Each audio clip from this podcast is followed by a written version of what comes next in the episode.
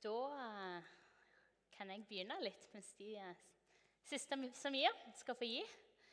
Jeg eh, heter som sagt Hanne Therese. Og i høst så hadde jeg en tale om Guds nærvær. Um, og da var det noen som spurte om jeg kunne ha den på G11 òg. Og det sa jeg at det hadde jeg definitivt veldig lyst til. Um, så vi skal snakke om Guds nærvær i dag. Og det, er, det var litt sånn som når jeg forberedte meg til og skulle snakke i dag igjen og leste gjennom det jeg hadde skrevet, og endra litt og la til litt ting, så tenkte jeg dette er, her er det veldig mye som jeg har godt av å høre igjen. Så hvis noen av dere var på G18 i oktober en gang og hørte før, så er det nok mange gode ting dere kan ta med dere videre. Guds nærvær. Jeg vet ikke om jeg skal be først før jeg skal begynne å snakke. Jesus, jeg takker deg for at du er her. For at du er her allerede med ditt nærvær og med alt det som du er. Takk for at vi får lov til å kjenne deg, tilhøre deg, bli stadig bedre kjent med deg og stadig bli mer og mer eh, imponerte av hvem de er, og hva de gjør. Åpne opp hjertene våre, så vi kan ta imot det som du vil gi av ditt ord, Herre, og av ditt liv. Amen. Guds nærvær det er noe som har eh, surra i hodet mitt i hele høst. Det er noe som utfordrer meg, og noe som uh, inspirerer meg, og noe som jeg ikke helt forstår. Hva i alle dager er Guds nærvær? Og hva i alle dager skal jeg med det? Jeg vet ikke om dere noen gang har stilt dere de spørsmålene. Jeg har definitivt stilt begge. Jeg liker ting som er konkrete og logiske og håndfaste. Eh, og Gud er logiske og konkrete og håndfaste av og til. Og så er han det av og til ikke i det hele tatt. Ikke i hvert fall i forhold til mine rammer. For meg har konseptet med Guds nærvær vært litt sånn nesten litt utilnærmelig. For det er litt sånn her oppe. Hva er det for noe? Hva er Guds nærvær? Hva betyr det? Vi snakker jo veldig mye om Guds nærvær i denne menigheten, og likevel så er det sånn det er ikke, sånn, ikke så konkret og håndfast som Bibelen. som du kan si, Sånn er det. Sånn ser det ut. Så mange verser er det i det. Så mange kapitler er det i det. Det er litt mer, For meg har det vært litt mer sånn Hva i alle dager er Guds nærvær? Jeg har vært litt redd for om det kan bikke over til noe som er litt sånn halvalternativt, og det må vi passe oss for. Sant? Guds nærvær. Men allikevel så har det trigga meg. Guds nærvær. Jeg har kommet til gudstjenestene, jeg har sunget om Guds nærvær. Vi har sunget om det i dag. Og jeg har sunget at jeg elsker Guds nærvær. Jeg har sunget at jeg lengter etter det. Og jeg har sunget det, og så har jeg merket at det gjør noe med meg. Det skaper noe i meg å både synge det og høre det. Og samtidig så har det vært eh, noe i meg som fortsatt har undra litt. Og som fortsatt undrer. Så denne, dette her er litt sånn dere er med meg i min prosess når jeg snakker om det. Um, jeg er ikke helt ekspert på Guds nærvær. Noen vil kanskje tro det, for Jeg har gått et helt år i Battle Church sant, i Redding, California, der alle reiser for å oppleve Guds nærvær. Jeg fikk oppleve mer av Guds nærvær, men jeg har fortsatt, og egentlig litt sånn heldigvis, ikke helt forstått hva Guds nærvær er. For Gud er jo litt mystisk, er ikke det? Skal jo være det. Så Guds nærvær. Hva gjør jeg med Guds nærvær? Hva har Guds nærvær å si for hvordan jeg tenker, og for hvordan jeg lever livet mitt? Og hvordan betyr, eller hva betyr det for min oppførsel? For å få litt bredde og visdom så har jeg spurt noen veldig nydelige mennesker her i IMI om å svare på to ting. Det ene er hva er Guds nærvær? Det andre er hvorfor er det viktig for deg?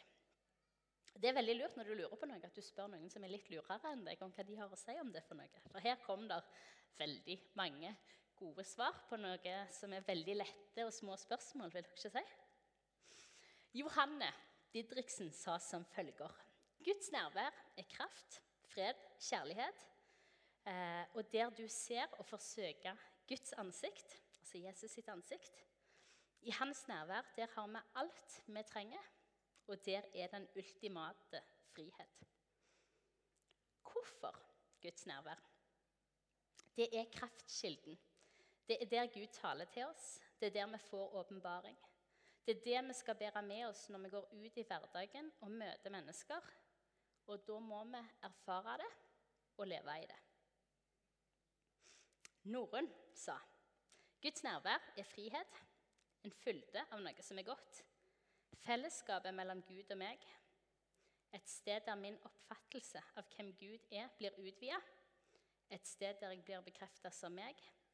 Et sted der jeg får utvida min tanke om meg og andre. Og hvorfor Guds nærvær? Da svarer Norunn fordi jeg trenger det, fordi jeg er blitt avhengig av det, og fordi det er så gøy. Det syns jeg er et godt svar. Thomas Wilhelmsen sier Guds nærvær er at himmelriket er her. Guds nærvær påvirker meg til å bli den jeg var tiltenkt til å være. Martin sier Guds nærvær er for meg rett og slett at Gud er nær alltid. Altså, Når jeg hører dette her, så tenker jeg iallfall at dette er jeg nødt til å ha mer av i mitt liv. Hvor mange av dere tenker ja, når jeg hører dette her, så hadde det vært bra med en dose til av dette i mitt liv? Noen? Ja, konge. Det høres ut som det er et godt tema for oss å snakke om. Ikke bare av og til Guds nærvær, men grunnleggende. Fordi Gud er nær, eh, og Gud vil være nær alltid. Gud er nær med sin fylde. Det er det Guds nærvær er. Med sin fylde, med alt det han er med sitt rike, med sitt liv, med sin frihet, sitt alt. Da er livet nødt til å bli annerledes når mitt liv krasjer med det Guds rike, og det får lov til å være en naturlig del av hvordan jeg lever livet mitt. Og det kan vi si, Gud er til stede, Gud er tilgjengelig, Gud er nær. Gud er nær, sier du, og så spør du gjerne ja, men Gud, er ikke han omnipresent, som det heter på fint. Allestedsnærværende. Hvorfor i alle dager skal vi da snakke om Guds nærvær? Guds ånd bor jo i oss. Kan han være nærmere enn det? Jeg vil si at begge deler er riktig. 100 Og Allikevel så ser vi både i Bibelen og i kirkehistorien og i vår egen erfaring at av og til så er Gud enda tydeligere til stede enn andre ganger. Gud vil være nær, og Gud vil være ansikt til ansikt med oss. Eh, vi skal begynne med Bibelen. Eh, det beste stedet for å lete etter visdom om hvem Gud er. Eh, vi skal lese fra 2. Mosebok, kapittel 33. Guds nærvær står omtalt mange ganger i Bibelen. Men en skikkelse som peker seg spesielt ut utenom Jesus, så klart, det er Moses. Og Vi skal gjøre et ganske sånn stort hopp i historien. Moses har blitt kalt av Gud. Han har fått israelsfolket til å forlate Egypt. Han har fått de med seg ut i ørkenen, og de har vandra i lange tider. De har opplevd sjøer som har delt seg. De har opplevd vannunder og matunder og overnaturlige seire over motstandere. De har fått de ti bud, og de har slutta en pakt med Gud. Eh, de har òg lagd seg en kalv av gull som de bestemte seg for å tilbe. Har erfart Guds vrede som et resultat av dette. her. Og Rett etter dette kommer historiene som jeg skal lese. To situasjoner som fascinerer meg enormt. Jeg skal lese fra 2. Mosebok kapittel 33, vers 7. Moses pleide å ta teltet og slå det opp et godt stykke utenfor leiren. Han kalte det telthelligdommen. Alle som ville søke råd hos Herren, gikk ut til dette teltet utenfor leiren. Hver gang Moses gikk ut til teltet, reiste hele folket seg og ble stående her ved inngangen til, hver ved inngangen til sitt telt. De så etter Moses til han var kommet inn i teltet. Og når Moses var kommet inn i teltet, senket skysøylen seg og ble stående ved inngangen til teltet, og han snakket med Moses. Når folket så skysøylen stå ved inngangen til teltet, reiste de seg alle sammen, bøyde seg og tilba hver ved sin teltdør. Så talte Herren med Moses ansikt til ansikt, slik som mennesker snakker med hverandre. Siden vendte Moses tilbake til leiren. Men tjeneren hans, en ung gutt som het Josfa, sønn av Nun, forlot aldri teltet. Så talte Herren med Moses, står der, ansikt til ansikt, slik som mennesker snakker med hverandre. Ansikt til ansikt. Der vi møter Gud, det er der Gud vil snakke med oss ansikt til ansikt. Som venner i en relasjon. Se meg, kjenn meg. Vi taler til hverandre. Gud er ikke bare en Gud som er langt vekke. Han er Gud som vil være helt nær. Som, eh, som vil prate med deg. Som ikke Som ikke kommer til, til deg bare for å gi deg bud eller formaninger, men som kommer for å snakke med deg, for å samtale. Sånn som du gjør med andre. Av egen erfaring kan jeg si at liksom bønnelivet mitt kan bli enten én av to grøfter. Vi prøver å finne en god balanse her. Enten at jeg kommer til Gud, og så forteller jeg Gud alt som er på mitt hjerte, og jeg bare prater og prater, og prater, prater, Gud får ikke rom i det hele tatt. Eller at jeg kommer til Han, og så bare sier jeg ingenting. Um, og det er sine gode deler med begge deler. Gud vil både høre alt vi har på hjertet, han òg vil at vi skal bare lytte. Og Samtidig er det dette, den relasjonen som vi ser her mellom Moses og Gud, som fascinerer meg. For den er så ansikt til ansikt. De kjenner hverandre som venner. Moses sier til Gud, 'Hva skjer hos deg?' Gud sier til Moses, 'Hva skjer hos deg?' De samtaler som venner. Som jeg ville gjort til en engel, som jeg ville gjort til Geir eller Ole Bjørn eller Terje. De samtaler. Dialog. Gud vil dialog. Gud vil samtale. Gud vil nærhet. At du skal dele av hva som er på ditt hjerte. Og dette, som jeg syns tidvis er litt utfordrende, men som jeg syns er en fantastisk invitasjon At du skal spørre hva som er på hans hjerte. Han vil være din venn, og det er det venner gjør. De deler liv, sant? Det er det Moses og Gud gjør. Moses søker vennen sin. Sant? Det er det han går ut og gjør i telthelligdommen. Der har de en relasjon. Gud er der. Han er der med hele sin fylde for å møte Moses. For å se ham, for å gjøre seg kjent av ham og med ham. ikke det er fantastisk? Jeg tenker det, når jeg leser det, så tenker jeg bare åh, dette er den type relasjon jeg vil ha til Gud. Det er en relasjon hvor vi bare søker hverandre for å prate med hverandre, for å høre hva som ligger hverandre på hjertet. Ja, Verset slutter ikke der. Eller bibelteksten slutter ikke der. Det avsluttes med Siden vendte Moses tilbake til leiren, men tjeneren hans, en ung gutt som het Josva, sønn av Nun, forlot aldri teltet. Josva var en ung gutt. Han var kanskje 12, kanskje 13 år. Han hadde sett Moses, og han hadde sett Guds relasjon til Moses. Han hadde sett nærheten han hadde. Han hadde skjønt hvor Moses henta styrken sin visdommen sin, rådene sine fra, kraften, innsikten You name it. Alt det henta Moses i telthelligdommen, der Gud var. Og han lærte av Moses, Josva. Han lærte av han. Og det står at Josva aldri forlot teltet. Og jeg tror at det som Josva lærte der, tok han til å være Israels leder etter Moses. Han hadde en lengsel etter å være der som Gud var, og lære han å kjenne. Ok, So far, so good. Jeg leser det og tenker dette er nødt til å få konsekvenser for mitt eget liv. Jeg kan ikke bare lese om det og ta til takke med noe mindre. Hører dere det? Vi kan ikke bare lese om det og ta til takke med noe mindre. Hvis Gud vil relasjon ansikt til ansikt, så kan ikke vi ta til takke med noe mindre. Gud vil være nær oss, bekjente ikke. Nære, gode venner. Altså, Hvor mange vet at Jesus sa at han ikke lenger kalte disiplene sine for tjenere, men venner? Noen vet det? Ja, jeg lover. Det står. Det står i Bibelen, og det er sannheten. Gud søker venner.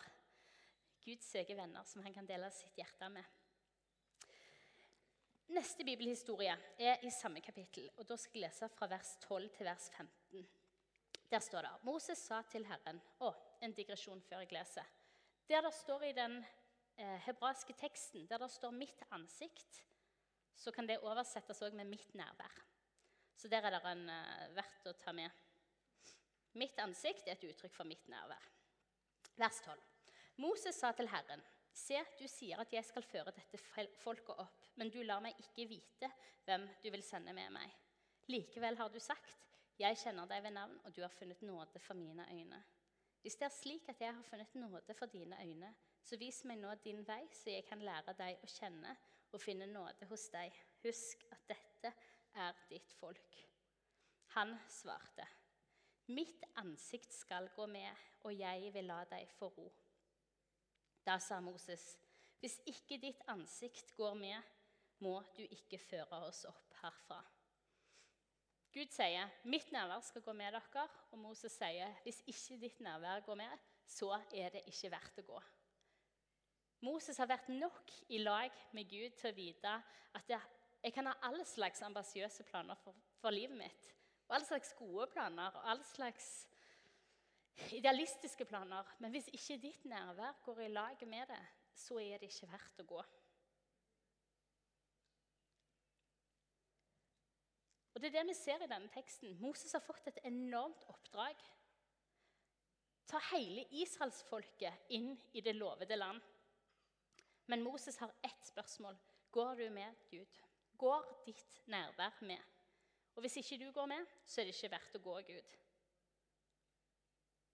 Moses er vant med denne nære relasjonen. Han er vant med at han har kunnet gått ut i et telt og møtt Gud der når han ville. Og han er ikke villig til å ofre denne relasjonen for noen ting. At Gud er til stede og tilgjengelig og nær, det er det viktigste. Og Så ender denne bibelfortellingen med at Moses faktisk får se Guds herlighet. Med hans egne ord, Guds egne ord. Han lar all sin godhet gå forbi ham. Men ikke nok med det. I kapittel 34 så ser vi at det får konsekvenser for Moses. Vi leser fra 2. Mosebok 34, bare vers 29. Må vi lese. Der står det Så gikk Moses ned fra Sinai-fjellet. Han hadde vitnesbyrdet, de to tavlene i hendene, da han gikk ned fra fjellet. Moses visste ikke at det strålte av ansiktet hans fordi Herren hadde talt med ham. Han visste det ikke, men det står videre at Aron og israelittene var redde for å komme nær ham, for de så at det strålte sånn. De så Guds nærvær på ham. Og Det jeg syns er fascinerende, er at møtet med Gud det endra hele han. Så sterkt strålte det av han at han måtte ha et slør foran ansiktet senere.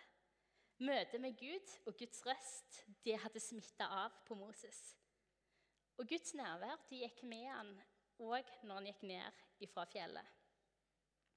Og jeg elsker den delen der. Guds nærvær hadde endra Moses. Måten han så ut på, måten folk forholdt seg til ham på. Guds nærvær hadde satt sitt merke. For det er det Guds nærvær gjør. For selv om Moses ikke merka det, så tydelig står det jo i teksten. Han visste ikke at eh, ansiktet hans strålte. Um, men folk rundt ham kunne ikke unngå å se det. Moses visste at han hadde prata med Gud, at han hadde fått se Guds herlighet. Men han visste ikke hva det hadde gjort med han. Og Det syns jeg er en litt sånn fin tanke, og dog verdt å tenke på. At vi kanskje ikke alltid er klar over hva Gud har gjort i livet vårt, eh, før noen rundt oss oppdager det. Gir det mening? At For oss har det blitt litt så naturlig, og så er det noen andre som påpeker en endring hva som har skjedd. Og Så kan vi snakke om møtet med Guds nærvær, og fort så tenker vi da at da er det nødt til å være noen som rister, eller noen som detter i bakken, eller noe litt sånn voldsomt. Og så ser du her at uh, Moses har ikke engang oppdaget at det har skjedd noe med ham. Guds nærvær kan være så stille og så fint at det kanskje trenger noen andre for å påpeke det. Jeg liker det. Guds nærvær kan ikke settes i en boks over hvordan det skal se ut. Så leksa til både meg sjøl og til dere er på dette ikke begrens hva Gud kan gjøre i deg, eller har gjort i deg, basert på hvordan det har sett ut. Kanskje bare kanskje kan det være sånn at det ikke alltid er like tydelig for oss, men at det kan være tydelig for andre. Så vi skal oppsummere litt. Guds nærvær er at Gud er nær. Det var det viktigste for Moses. Det var det han søkte, og det var utgangspunktet for livet. Å være nær Gud og samtale med ham. Å hente visdom og kraft fra denne kilden. Og Det var òg det han lærte videre til Josfa. Prioritet nummer én å være sammen med Gud. Og Det må jo sies at utgangspunktet for dette her er eh, altså Utgangspunktet for Guds nærvær er at vi har en Gud som vil være nær. sant? Vi har en Gud som vil være nær. Vi må ikke prøve å overbevise han eller lure han eller bestikke han for å få han til å ville være nær oss. Vi har en Gud som lengter etter å være nær oss. Altså Jesus er jo det tydeligste bildet vi har på det. Gud vil være nær. Og Guds nærvær det er livsviktig for oss for å forstå mer av hvem Gud er, og for å lære han å kjenne, og for å lære oss sjøl å kjenne. Er vi enige om det? Ja, noen er enige om det. Det er bra. Kanskje resten er mer enige etter hvert. Eh, og det er ut ifra Guds nærvær, relasjonen med Gud, at vi henter det vi trenger for å gå ut i all verden og fortelle om Han. Sant? For Guds nærvær er jo òg det beste som vi kan gi til andre. Og da må vi jo òg sjøl bære på det. Vi kan ikke gi videre noe vi ikke har. Jeg vil jo si at oppdraget vi har fått, blir langt mindre slitsomt hvis vi begynner her. Langt mindre i egen kraft. Å leve i Guds nærvær og å leve ut ifra det stedet vi var meint til å være. Ansikt til ansikt med Gud, helt nær nær nok til å alltid bli prega av Han i alle livets situasjoner. Sånn som Ann Ingel sa tidligere, du blir lik de som du er rundt. Tenk å være nær nok, ofte nok rundt Gud, til at det er Han som preger deg mest. Ok, vi skal foreta en liten overgang til del to. Vi kommer til en av nøklene til Guds nærvær. Er dere klare? Ja, noen er klar? Trening. Øvelse. Guds nærvær er òg en måte å øve seg. En har sagt det sånn når jeg mangler inspirasjon, da er jeg glad for disiplin. Ordet disiplin kommer jo fra samme rot som ordet disippel gjør. Sant? Læresvenn. En som er under opplæring. Så disiplin det er en øvelse. Og jeg tror disiplin og øvelse er en nøkkel til å bli kjent med Gud og med Guds nærvær. Øvelse på å være i Guds nærvær og øvelse på å kjenne det igjen. Et eksempel for meg er at de du kjenner veldig godt, best, de kjenner du kanskje av og til igjen uten å se dem. Jeg, eh, et eksempel for meg er jeg var på Hennes Maurits, og så sto jeg og kikket på et eller annet, og så på andre siden av hjørnet så hørte jeg noen som nøys. Med en gang så tenkte jeg det er Miriam Irene, søsteren min. For jeg har hørt henne nyse nok til at jeg visste, selv om jeg ikke så henne, at det var hun. Eller jeg kan sitte oppe i kontorlandskapet i denne firkanten som jeg sitter i.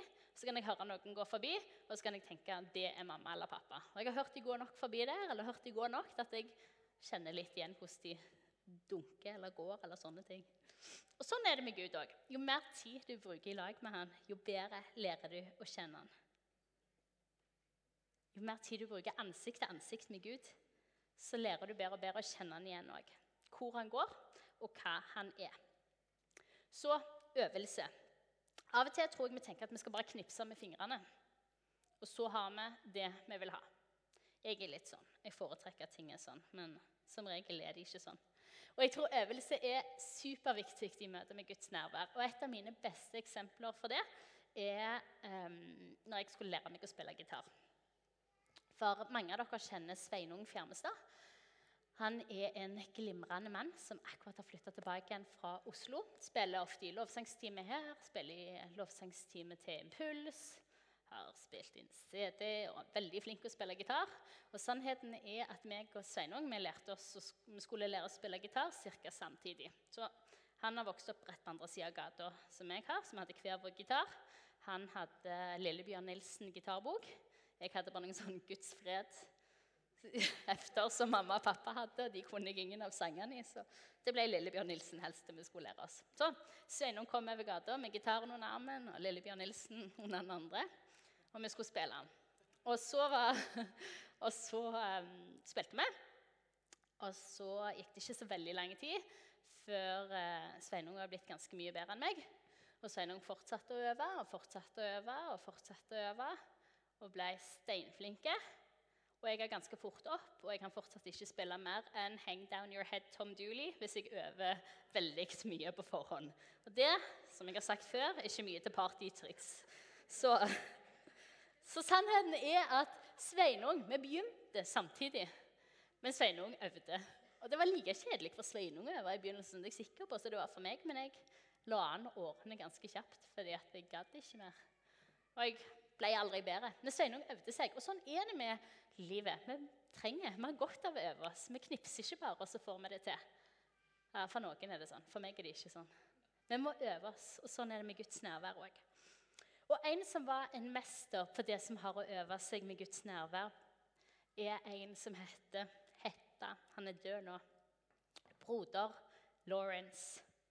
Han har skrevet en nydelig bok som heter 'The Practice of the Presence of God'. Ellinger snakket om den tidligere i høst. Hvis jeg ikke har lest den, så les den. Den er en skatt av ei bok. Og Vitnesbyrdet og livet til denne mannen er noe av det mest inspirerende og utfordrende som jeg vet om. Denne mannen har blitt kjent fordi han levde veldig nært Gud. Det er vitnesbyrdet som folk sier om han. Han levde veldig nært Gud. Det er litt av et vitnesbyrd å ha på livet sitt, er det ikke det? Ber om at det blir meg, altså.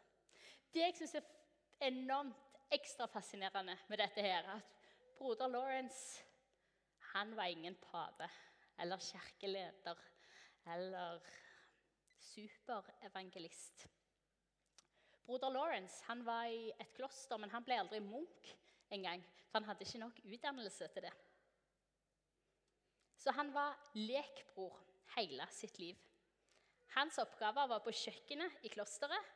Og det var her, på kjøkkenet, mellom poteter og oppvasken, at han trente seg på å være i Guds nærvær. Dette var det han var kjent for, denne mannen. I sin samtid, men òg i dag. Å være i Guds nærvær. Og Noe av det som fascinerer meg, er eh, at han arbeidet på kjøkkenet han i mange mange, mange år. Og det var ikke sånn at han ble oppgradert. Altså, han avslutta sitt liv som sandalreparatør. Eh, men han hadde ett fokus, det, og det var jeg kan skrelle disse potetene i Guds nærvær. Jeg kan skrelle disse potetene i kjærlighet til Gud. Og så brukte han det som han hadde, den situasjonen som han var i, og hadde fokus på Gud. Og Det sier noe om at det handler ikke om hva jobb du har, eller hva omstendigheter du er i, eller om du er husmor eller lærer eller bankmann eller hva du er for noe. Der du er, de omstendighetene du har, der kan du bruke på å lære å være i Guds nærvær. Og hvordan øvde broder Lawrence seg? Skal jeg gi dere noe praktisk til slutt? Han begynte ganske enkelt med å tenke på Gud. Tenk at han er der at Gud er i himmelen og samtidig med oss. Han gjorde det til en vane å tenke at Gud var der. Og Neste steg fra Broder Lawrence var å snakke med Gud. Henger dere med? Første steg tenk at han er der. Andre steg snakk med han. Ikke så veldig mye hokus pokus i dette. sant? Og så sa han derfra er veien ganske kort til å sette seg stille ned og lytte til han. Vi kan gjøre det så enormt vanskelig og så enormt komplisert, mens han gjorde det veldig, veldig, veldig enkelt. Han gjorde seg tilgjengelig for Gud mens han skrelte poteter. ikke det gode nyheter? At du kan bruke de situasjonene som du har, på å være nær og rundt Gud. Broder Lawrence' enkle, men gedigne ønske og mål var at livet skulle være en kontinuerlig samtale med Gud. At han hele tida retta blikket mot Gud, og når han mista fokus, så bare retta han det tilbake igjen. Og Motivasjonen hans var så tydelig. Å gjøre alle ting i kjærlighet for Gud. Å plukke opp et strå på bakken eller snu ei kake på pannen. Alt for Guds kjærlighet. En kontinuerlig kjærlighetsøvelse. Å gjøre alle ting i kjærlighet. Er ikke det fantastisk? Det er en god måte å tenke om Guds nærvær på. Og vi må øve oss. Og hvordan i alle dager skal vi øve oss? Og Dette er noen av de tingene som jeg har jobba mye med i høst. Så jeg skal dele noe av det som jeg har brukt sjøl for å øve meg. For det første så er jeg der. Det er en av de punktene. Jeg er der jeg vet Gud er. Jeg vet at Gud er på gudstjenesten sammen med mennesker som søker han, og som lengter etter han. På åpen himmel. Ei hel helg satt av til nettopp Guds nærvær. Jeg er før gudstjenesten på bønnemøte en halv time til å være i Guds nærvær. Jeg er på helbredelsesrommet, hvor jeg vet at Guds nærvær er, hvor jeg kan komme bare for å være der. Hvor folk kommer bare for å søke og erfare Guds nærvær. Denne menigheten har lagt opp til ganske mange muligheter hvor du kan komme og bare få være. Og så gjør jeg konkrete ting i hverdagen min. Akkurat nå er min buzzer ødelagt, men jeg har vanligvis en sånn buzzer som vibrerer hvert 15. minutt som jeg har i lomma, som minner meg om å vende blikket mitt mot Gud. Rett og slett bare fortelle han hva jeg liker med han. Hva jeg er glad for med dagen min. eller Bare vende en, en bøsser som vibrerer, og som bare minner meg på å vende blikket mitt mot Gud. Jeg prøver å øve meg på å ta fem minutters ferier i jobben min. Hvor jeg bare lar være å ta telefonen min, og hvor jeg bare fokuserer fem minutter på å bare være i lag med Gud. Stadig vende blikket mitt tilbake igjen.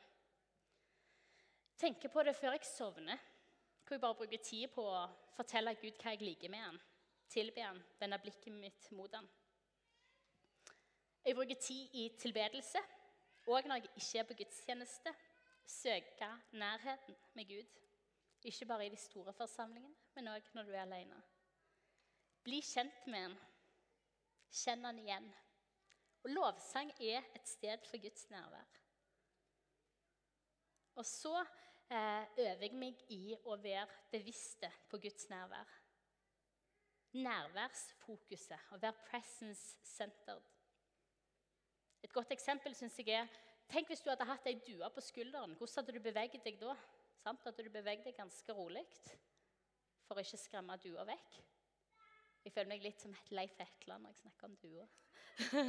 Tenk så gøyalt. Tenk så gøyalt. Tenk at jeg forbinder det med Leif Etland. Det sier mye om den mannen. Det syns jeg er kult.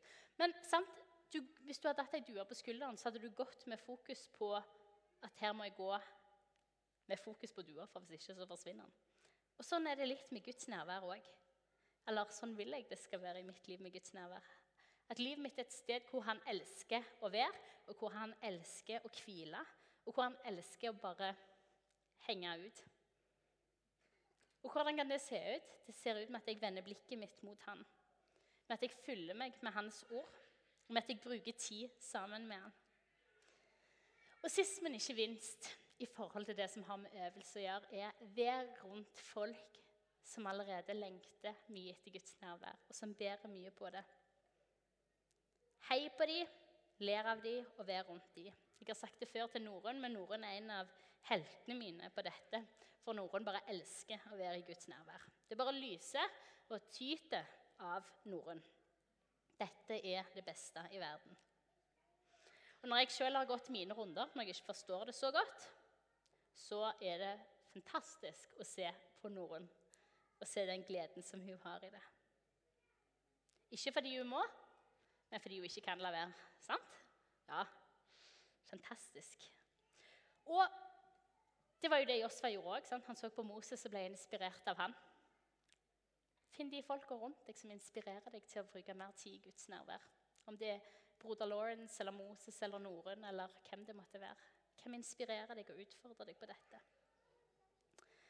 Vi skal avslutte og vi skal avslutte med noe fantastisk. for Vi skal avslutte med eh, nattverd. Og Nattverd er et av de tydeligste eksemplene på at Guds nærvær er gjort tilgjengelig for oss. For med nattverdsbordet så får vi ta imot alt det som Gud har for oss. Møte Gud ansikt til ansikt. Og leve videre i det. For sannheten er jo at med Guds nærvær og i Guds nærvær så kan det utrolige skje.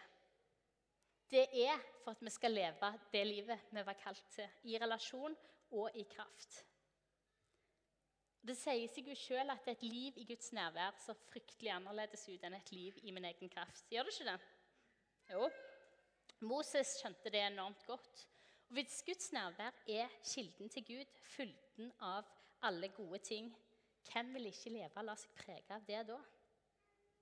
Det kan tidvis være utfordrende, men som Moses sa, Gud, hvis ikke ditt nærvær går med, så vil ikke jeg gå. Og det er bønnen for mitt liv. At Moses sitt rop og vitnesbyrdet om broder Lawrence skal få prege hjertet mitt, og at det blir sannhet. Gud, jeg har erfart deg ansikt til ansikt, aldri vil jeg leve livet på en annen måte. Vi reiser oss. Og det Jeg vil dere skal tenke på nå, er, jeg skal be en kort bønn, og så skal vi gå over i nattverd. Det er hva er den ene konkrete tingen du kan gjøre for å øve deg på å være i Guds nærvær? Er det å begynne dagen med å lese ett bibelvers? Er det å ta en femminutters ferie i arbeidsdagen din? Er det å skaffe deg en bøsser, eller hva er det for noe? Be Gud om å vise deg. Tenk på det. For jeg tenk, takker deg fordi at du eh, virkelig lengter etter venner som kjenner deg, og som kjenner deg igjen, og som lever ansikt til ansikt med deg. For vi vil bli stadig, stadig, stadig mer kjente med deg. Vi vil øve oss i å være i ditt nærvær. Vi vil øve oss i å eh, legge vekk alle ting som gjør at vi blir så travle og ikke har tid til det her, og si at vi vil være tilgjengelige for deg. Så Herre, fyll oss opp. Gi oss gode innespill på hva vi kan gjøre for å være helt i nærheten av deg. Takk for at vi skal få feire nattverd. Takk for at du har gjort relasjonen med deg helt åpen, helt tilgjengelig. Amen.